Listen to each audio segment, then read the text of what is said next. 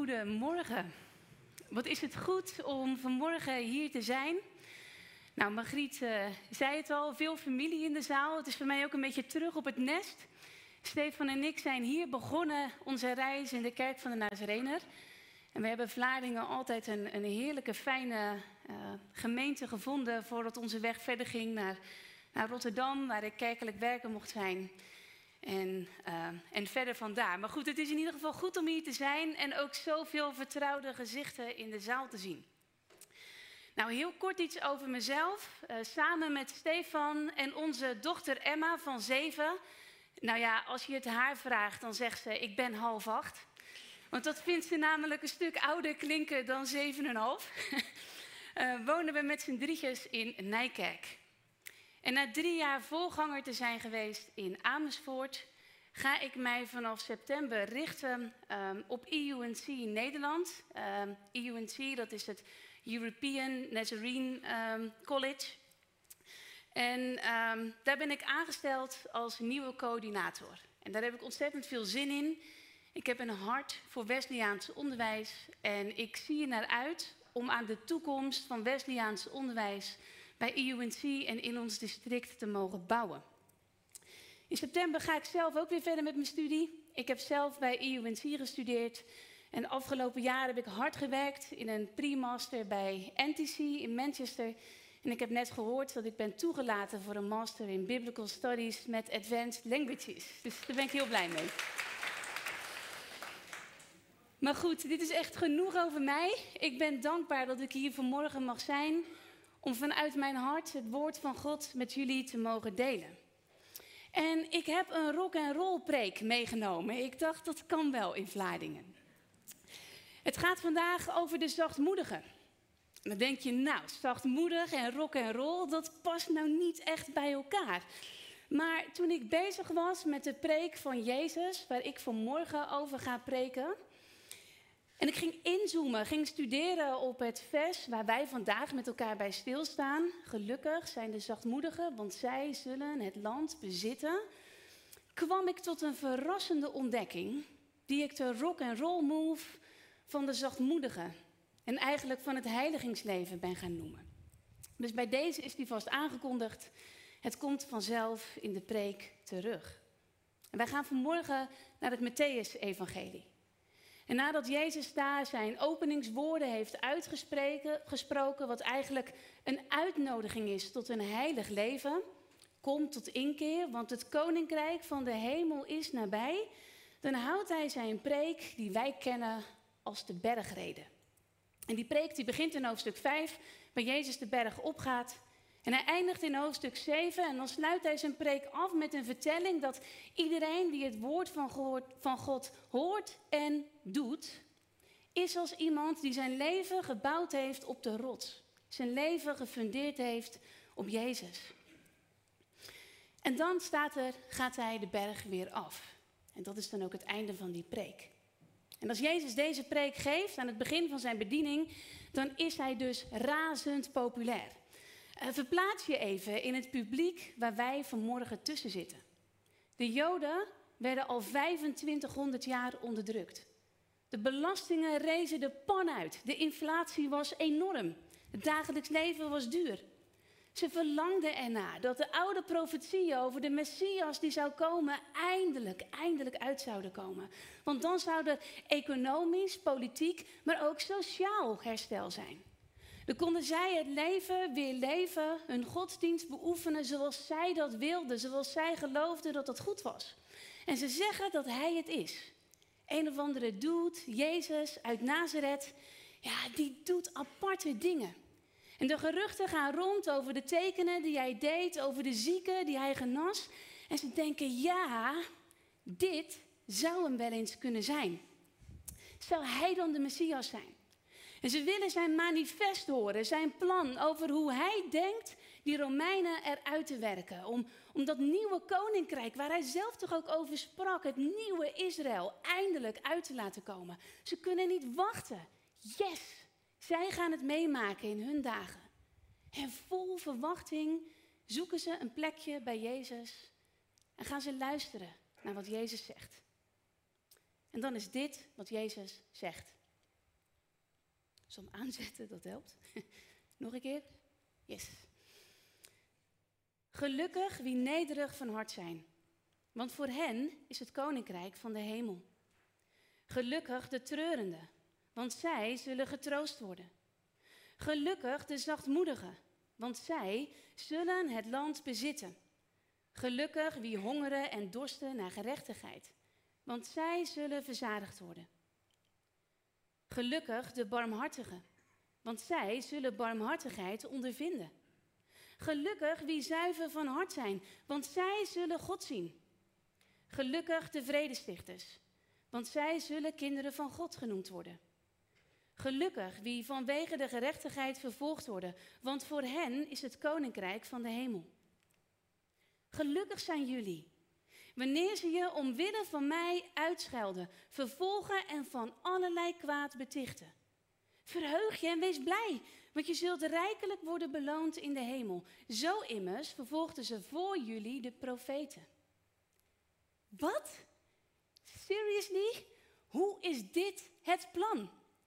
En het woord wat Jezus gebruikt voor gelukkig, dat is het woord makarios. En dat is echt een heel sterk woord. Het betekent van alles. Het is zoiets als, oh, gezegend zijn. Of het zalige geluk van. Maar mijn favoriete vertaling komt van de theoloog Karl Barth. En hij vertaalt makarios als, you lucky bums. Oftewel, stelletje bofkonten. Jezus die, die herdefinieert hun hele denken over wat zegen is.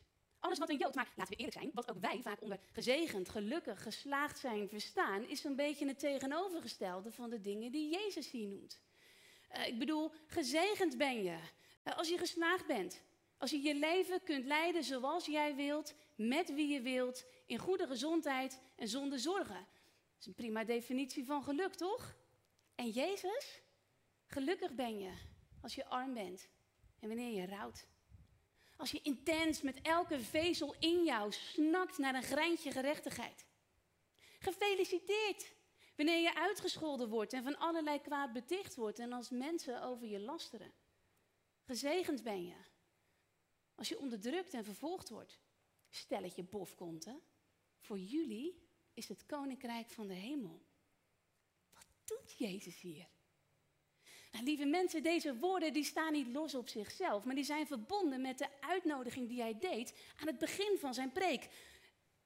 Kom tot inkeer, want het koninkrijk van de hemel is nabij.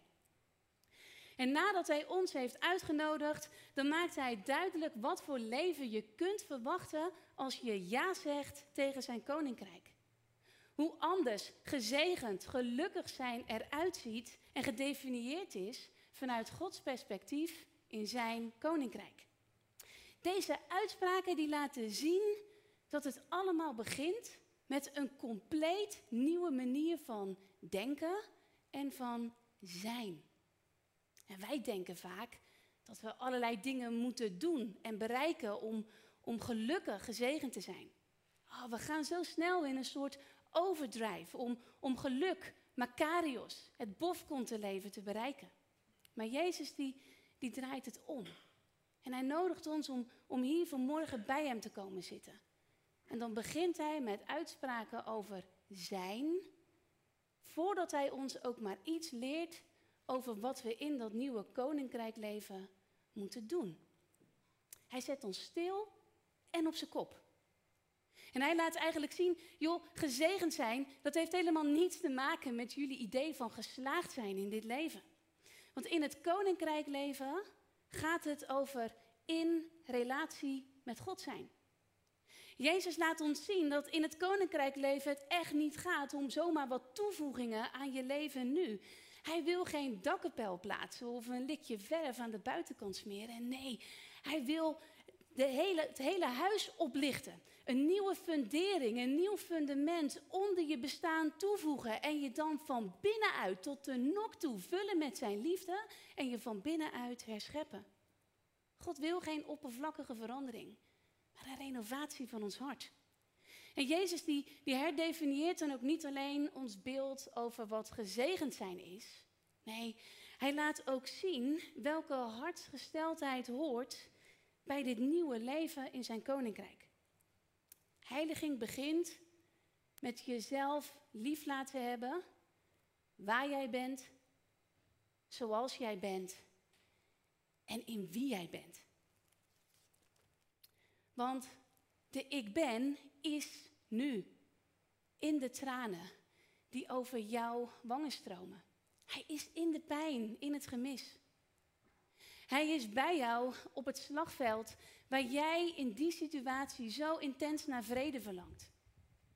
De ik ben deelt in jouw honger en dorst naar gerechtigheid. Hij is in je gebrokenheid en zwakte. Hij is één met alle die onderdrukt en vervolgd worden. Juist op al die plekken is hij en wordt hij zichtbaar, tastbaar in en door jou heen. En daarom, Makarios, gezegend ben je. En ik wil vanmorgen met jullie inzoomen op vers 5. Gelukkig de zachtmoedigen, want zij zullen het land bezitten. Zachtmoedig, nederig. Nou, dat, dat klinkt niet echt rock and roll stoer, nietwaar? Eh, wij geven er in onze tijd, ik heb even gekeken op encyclo.nl en in de Vandalen, een betekenis aan als weekmoedig, zachtaardig, meegaand, goeilijk en ik las zelfs ergens zwak.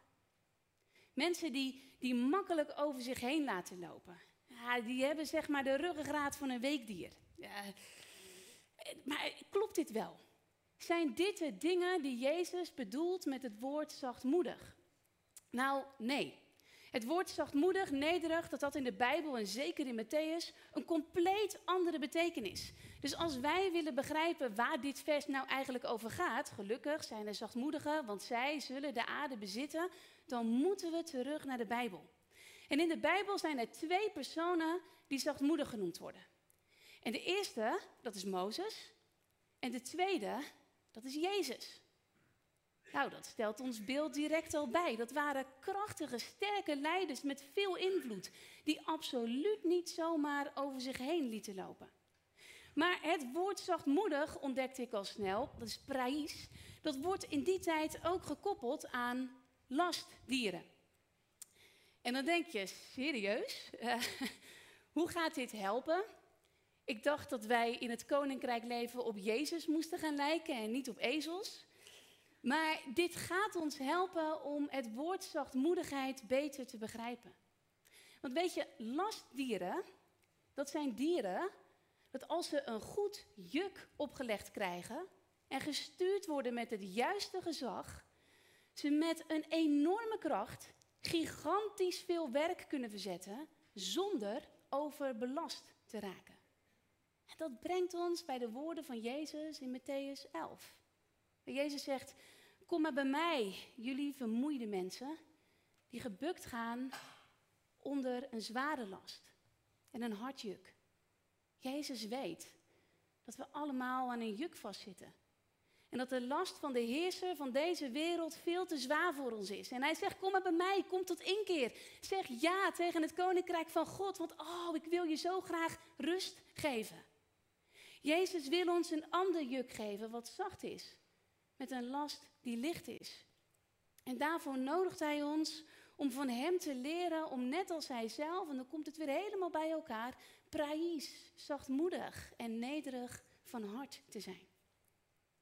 Zachtmoedig, nederig zijn. Dat betekent in de Bijbel dat je jezelf overgeeft aan de heerser van hemel en aarde, de God die liefde is. En hem zijn zachte juk op je schouders laat leggen en je dan door hem laat leiden, zodat je in dit leven met Jezus verbonden in en door zijn kracht bergen kunt verzetten zonder overbelast te raken. Oh, Makarios, gezegend zul je dan zijn. Nou, dat, dat klinkt best goed.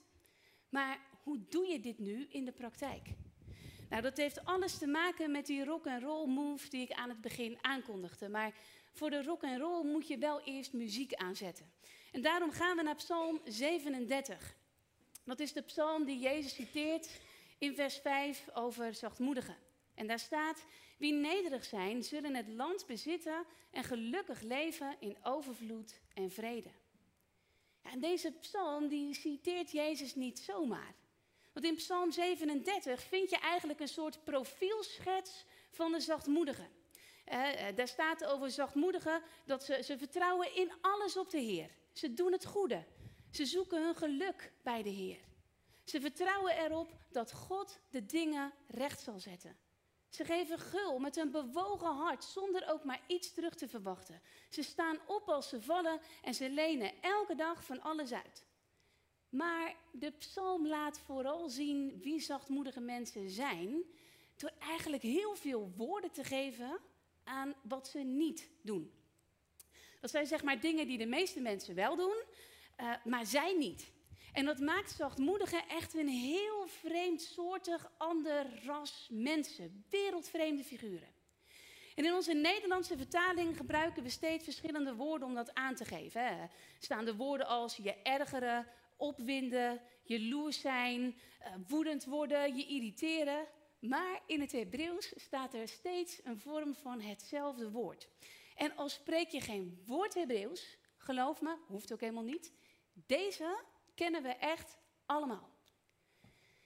Dit woord is briljant. Het maakt niet uit welke taal je spreekt, want het vat niet alleen al die woorden samen, maar het geeft ook perfect ons gevoel bij die woorden neer. Komt-ie. Wat er staat is garar. En ik zal dat even voor jullie vertalen, beetje vrij. Het is eigenlijk grrr. Grrr. Zie je het voor je, dit vreemde soort mensen? Zachtmoedigen die zijn, dus, zijn dus immuun voor dat grrr-gevoel en gedrag. Ze laten het bloed niet onder hun nagels vandaan halen. Ze koesteren geen wrok. Ze spreken geen kwaad. Ze roddelen niet. En ze kunnen ongelooflijk veel verdragen. Met maar één verlangen: om Gods shalom, zijn liefde teweeg te brengen, zichtbaar te maken. En zij, zegt David, zij zullen de aarde, het koninkrijk beërven. En weet je, al deze eigenschappen van zachtmoedig gedrag, driftig overschrijven uit Psalm 37 en een soort van op je heiligings-to-do-listje schrijven, nou, kan je vertellen, dat heeft werkelijk geen enkele zin. Op oppervlakte lijkt het wel even te lukken, maar je houdt het maar even vol. En David die begrijpt dat. Want dit woord garar, dat gaat heel diep. Het zegt eigenlijk dat je boosheid, dingen die je kwellen, niet laat sudderen. En dat is zo moeilijk. Want deze wereld die is zo vol van, geef jij mij een duw, dan duw ik terug. Of kom je aan mij, dan kom ik aan jou. En oh, wat kunnen we dingen goed onderhuid laten sudderen. Je kent dat wel van die nare opmerkingen. Die iemand met een chirurgische precisie kan maken. En die dan precies snijden daar waar het pijn doet. En die je maar zo moeilijk los kunt laten. Oh, grrr. Of iemand in je familie. En nou ja, ik bedoel natuurlijk je schoonfamilie. uh, die steeds net die dingen kan doen of op een bepaalde toon kan zeggen. Oh, grrr. Of mensen die het presteren om binnen 10 seconden op al je allergieknoppen te drukken. Nou, dan komt bij mij de A erbij. Arg. En we doen ons best. We slikken, eh, we negeren. We denken aan ons heiligings-to-do-lijstje. Ik ben zachtmoedig met een heleboel geduld. Totdat je ergens het kookpunt bereikt. En dan garar. Je schiet in je vlees, maar vooral uit je vel. Maar die zachtmoedigen, zij trekken de lont op de een of andere manier uit die garar-ontploffingen. Maar hoe doen ze dat dan? Nou, zij hebben in hun met God leven een move geleerd. Die ze dagelijks zo vaak als nodig is in de praktijk brengen. Zo vaak dat het in hun leven een gewoonte is geworden die een krachtige uitwerking heeft in hun hele leven. En deze move, die vinden wij in vers 5. En daar staat, leg je leven in de handen van de Heer. Vertrouw op Hem. Hij zal dit voor je doen. En wat er staat in het Hebreeuws voor leg je leven, dat is het woord galal. En dat is heel interessant, want wat dat eigenlijk betekent is dit. Weg of van je afrollen. Van je afrollen. Wil je het geheim weten van zachtmoedigen en hoe je een nederig hart krijgt? Het betekent dat je alles wat er in dit leven op je afkomt, kwaad, roddel, laster, onrecht, twijfel, alles wat voor jou te zwaar en te veel is. Die dingen die de neiging hebben om in je hart en je denken door te blijven sudderen. Dat je die als het ware als een bowlingbal vastpakt en met een slinger van je af loslaat. Van je af weg laat, rollen op de rots van je bestaan. De Heer. De rots waar jij je hele leven op kiest te bouwen. Roll it onto the rock. Rock and roll. De Heer, de rots. Vertrouw op Hem. Hij zal dit doen. Hij zal het oppakken en voor je afhandelen. Blijf kalm en wacht op de Heer. Zo schrijft David het. En weet je, dit is, zegt David, eigenlijk het motto van zachtmoedigen. Blijf kalm en wacht op de Heer.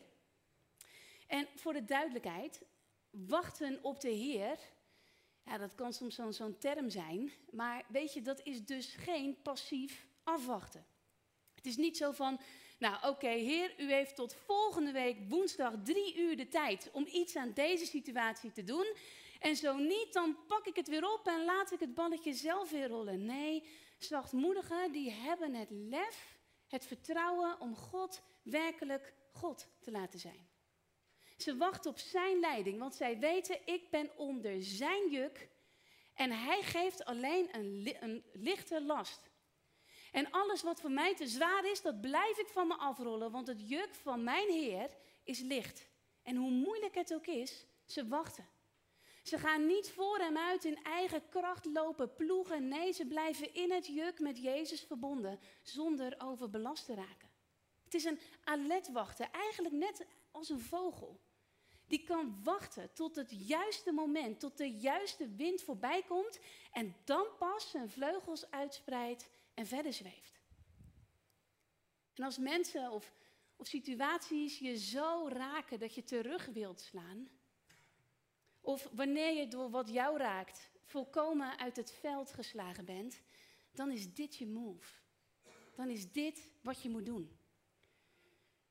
Rol het zo hard en zo snel en zo vaak als nodig is van je af op de rots van je bestaan.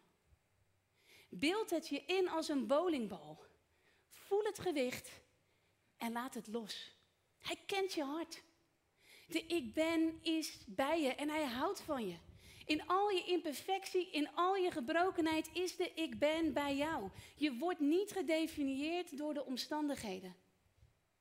Door je gebrokenheid, door mislukkingen, onrecht of wat voor ellende jou ook overspoelt. Jezus stilt je hoofd op. Hij glimlacht naar je en zegt: Oh, Makarios, gezegend ben je. Nu, in dit moment. Want de Vader houdt van jou en hij wil je tot de nok toe vullen met zijn liefde. En weet je wat dat met je doet? Dat trekt die lont uit die garar-ontploffingen. Het maakt dat je, dat je niet met frustratie en onrecht of kwaad wilt reageren, maar dat je in zijn liefde wilt blijven. Oh, die liefde van God, waar wij uit ontkiemd zijn die ons onophoudelijk zoekt en die wij ten diepste zoeken, die is met niets hier op aarde te vergelijken. Je kunt het niet kopen, verdienen of claimen. Het is liefde die zichzelf altijd geeft en die niets voor zichzelf achterhoudt. Een liefde die, die belangeloos is, die geen oordeel, restricties of voorwaarden kent. Een liefde die wijzer is dan al onze spreuken en wijsheden.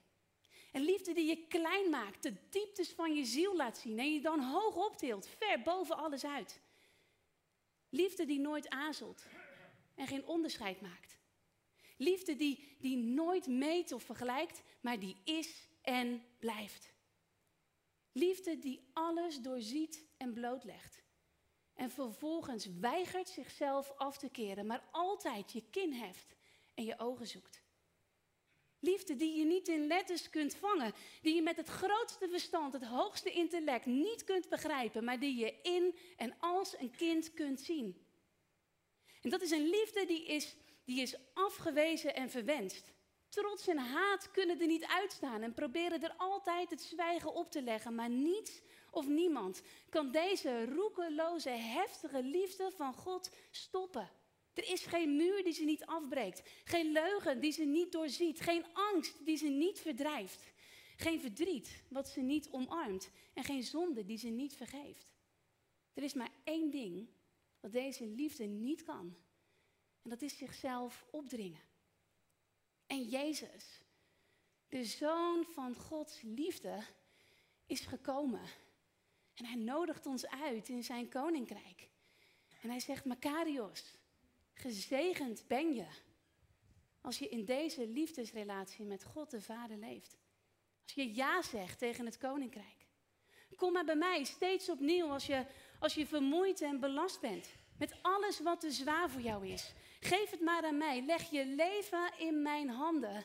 Rol het van je af op mij, want ik ben de rots van je bestaan. En mag mijn geest jou dan tot een nok toe vullen met Gods liefde. En dan gebeurt er iets, iets mysterieus in je hart. Je wordt gevormd naar het beeld van Jezus. En praïs, zachtmoedig en nederig van hart.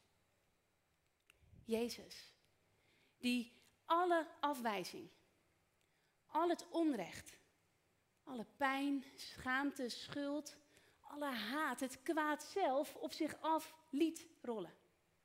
Hij zei: Rol het maar op mij. Laat het op mij leeg en stuk lopen, want het stopt hier bij mij. Ik ben de eerste en de enige nu ter wereld die het op geen enkele wijze aan een ander doorgeeft. Ik drink het tot de laatste druppel leeg. Jezus, de rots, liet zichzelf erdoor breken, zodat naar ons stromen van levend water, eindeloze liefde en vergeving blijft stromen. En de zachtmoedigen, dat zijn zijn mensen. Ze vertrouwen zichzelf helemaal aan de Heer toe. Ze geven het nooit op, want ze geven zichzelf over. Het zijn gezegende mensen die weten tot in het diepst van hun zijn hoe geliefd ze zijn. Ze vertrouwen de Heer in alles. Ze nemen het recht niet in eigen hand. Het nieuwe koninkrijk leven, heiliging, breekt door in hun bestaan. En zij gaan veel lichter door het leven, want zij hebben de ruggengraat om het gewicht van de wereld niet op hun schouders te laten leggen. Hoe rock en roll is dat? Tot slot wil ik een, uh, een verhaal met jullie delen wat prachtig laat zien waar, waar bijbelse zachtmoedigheid over gaat. En ik kwam het tegen in de voorbereiding van, uh, van mijn preek toen ik hiermee bezig was. misschien ken je het verhaal wel. Het is het verhaal over Ruby Bridges.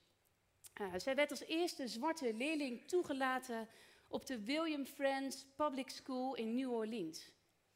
En op gerechtelijk bevel werden de scholen in New Orleans uh, in 1960 gesommeerd om, om zwarte leerlingen toe te laten. En er is heel lang geprocedeerd omdat heel veel mensen bezwaar maakten. Ze hebben het heel lang tegen kunnen houden. Maar op 14 november 1960 gaat de zesjarige Ruby voor het eerst naar school. En op die dag haalden alle blanke ouders hun kinderen van school af. Alle leerkrachten weigerden les te geven aan Ruby, behalve Barbara Henry. En dat betekende voor Barbara Henry dat het hele lesjaar Ruby ook haar enige leerling zou zijn en blijven. Meer dan 200 mensen protesteerden dagelijks als Ruby naar school ging. Ze scandeerden de meest vreselijke leuzen. Ze, hadden zelfs een, een houten grafkistje gemaakt daar een zwarte pop in gelegd en ze schreeuwde naar Ruby dat ze haar zouden vermoorden. Ruby werd onder politiebegeleiding naar school gebracht. En op YouTube zag ik een ingrijpend interview met Dr. Robert Coles. Dat is een kinderpsychiater die deze ontwikkeling, uh, ja, net zoals eigenlijk iedereen anders in dat land, uh, op tv volgde. En hij maakte zich grote zorgen over wat zo'n heftige, traumatische ervaring met een zesjarig kind zou doen. En daarom strekte hij zich uit naar de familie en eh, hij heeft hen begeleid, hij heeft Ruby geïnterviewd en uh, had dus heel veel gesprekken met haar. En hij vertelt, de ouders van Ruby, dat, dat waren hele nederige mensen. Ze waren straatarm, heel eenvoudig. En Ruby, dat, dat was een meisje met een rotsvast geloof in God. Die stoïcijns kalm bleef en elke dag onvoorstelbaar gewoon naar school bleef gaan. En op een dag zag de lerares van Ruby dat als Ruby langs al die mensen liep, dat haar lippen bewogen. En zij meldde dat bij Robert. En Robert zei van, nou, daar wil ik wel met haar over praten. Ze vroeg, joh, Ruby, wat, wat zei jij tegen de mensen? Ik zei, nou, niks. Ik zei helemaal niks. Jawel, we, we zagen dat je lippen bewogen, dus je zei wel iets. Oh, ik praatte tegen God, niet tegen de mensen. En Robert zegt, oké, dus je was aan het bidden. Ja. Wat, maar voor wie bad je dan, Ruby? Ja, voor die mensen. En Robert die zegt, joh, heb, heb jij nu serieus het idee dat die last op jouw schouders ligt, meisje? Dat jij voor hen moet bidden? En Ruby die kijkt hem verbaasd aan en hij zegt, ja, maar dat wil ik doen. Net als de dominee in de kerk en papa en mama thuis. En Robert zegt, nou oké, oké, maar wat bid je dan? En ze zegt, altijd hetzelfde Dr. Coles. Heere God, Vader, alstublieft, vergeef het hen. Want ze weten niet wat ze doen. Het raakte hem tot op zijn ziel. En hij zei: Hé, hey, dit gebed hebben wij eerder gehoord. Hij werd stil. Hij kon geen woord meer uitbrengen. En hij had die dag ook geen vragen meer. Makarios, Ruby Bridges, Bofkont, voor jou is het koninkrijk van de hemel. Want de zachtmoedigen, zij zullen de aarde bezitten.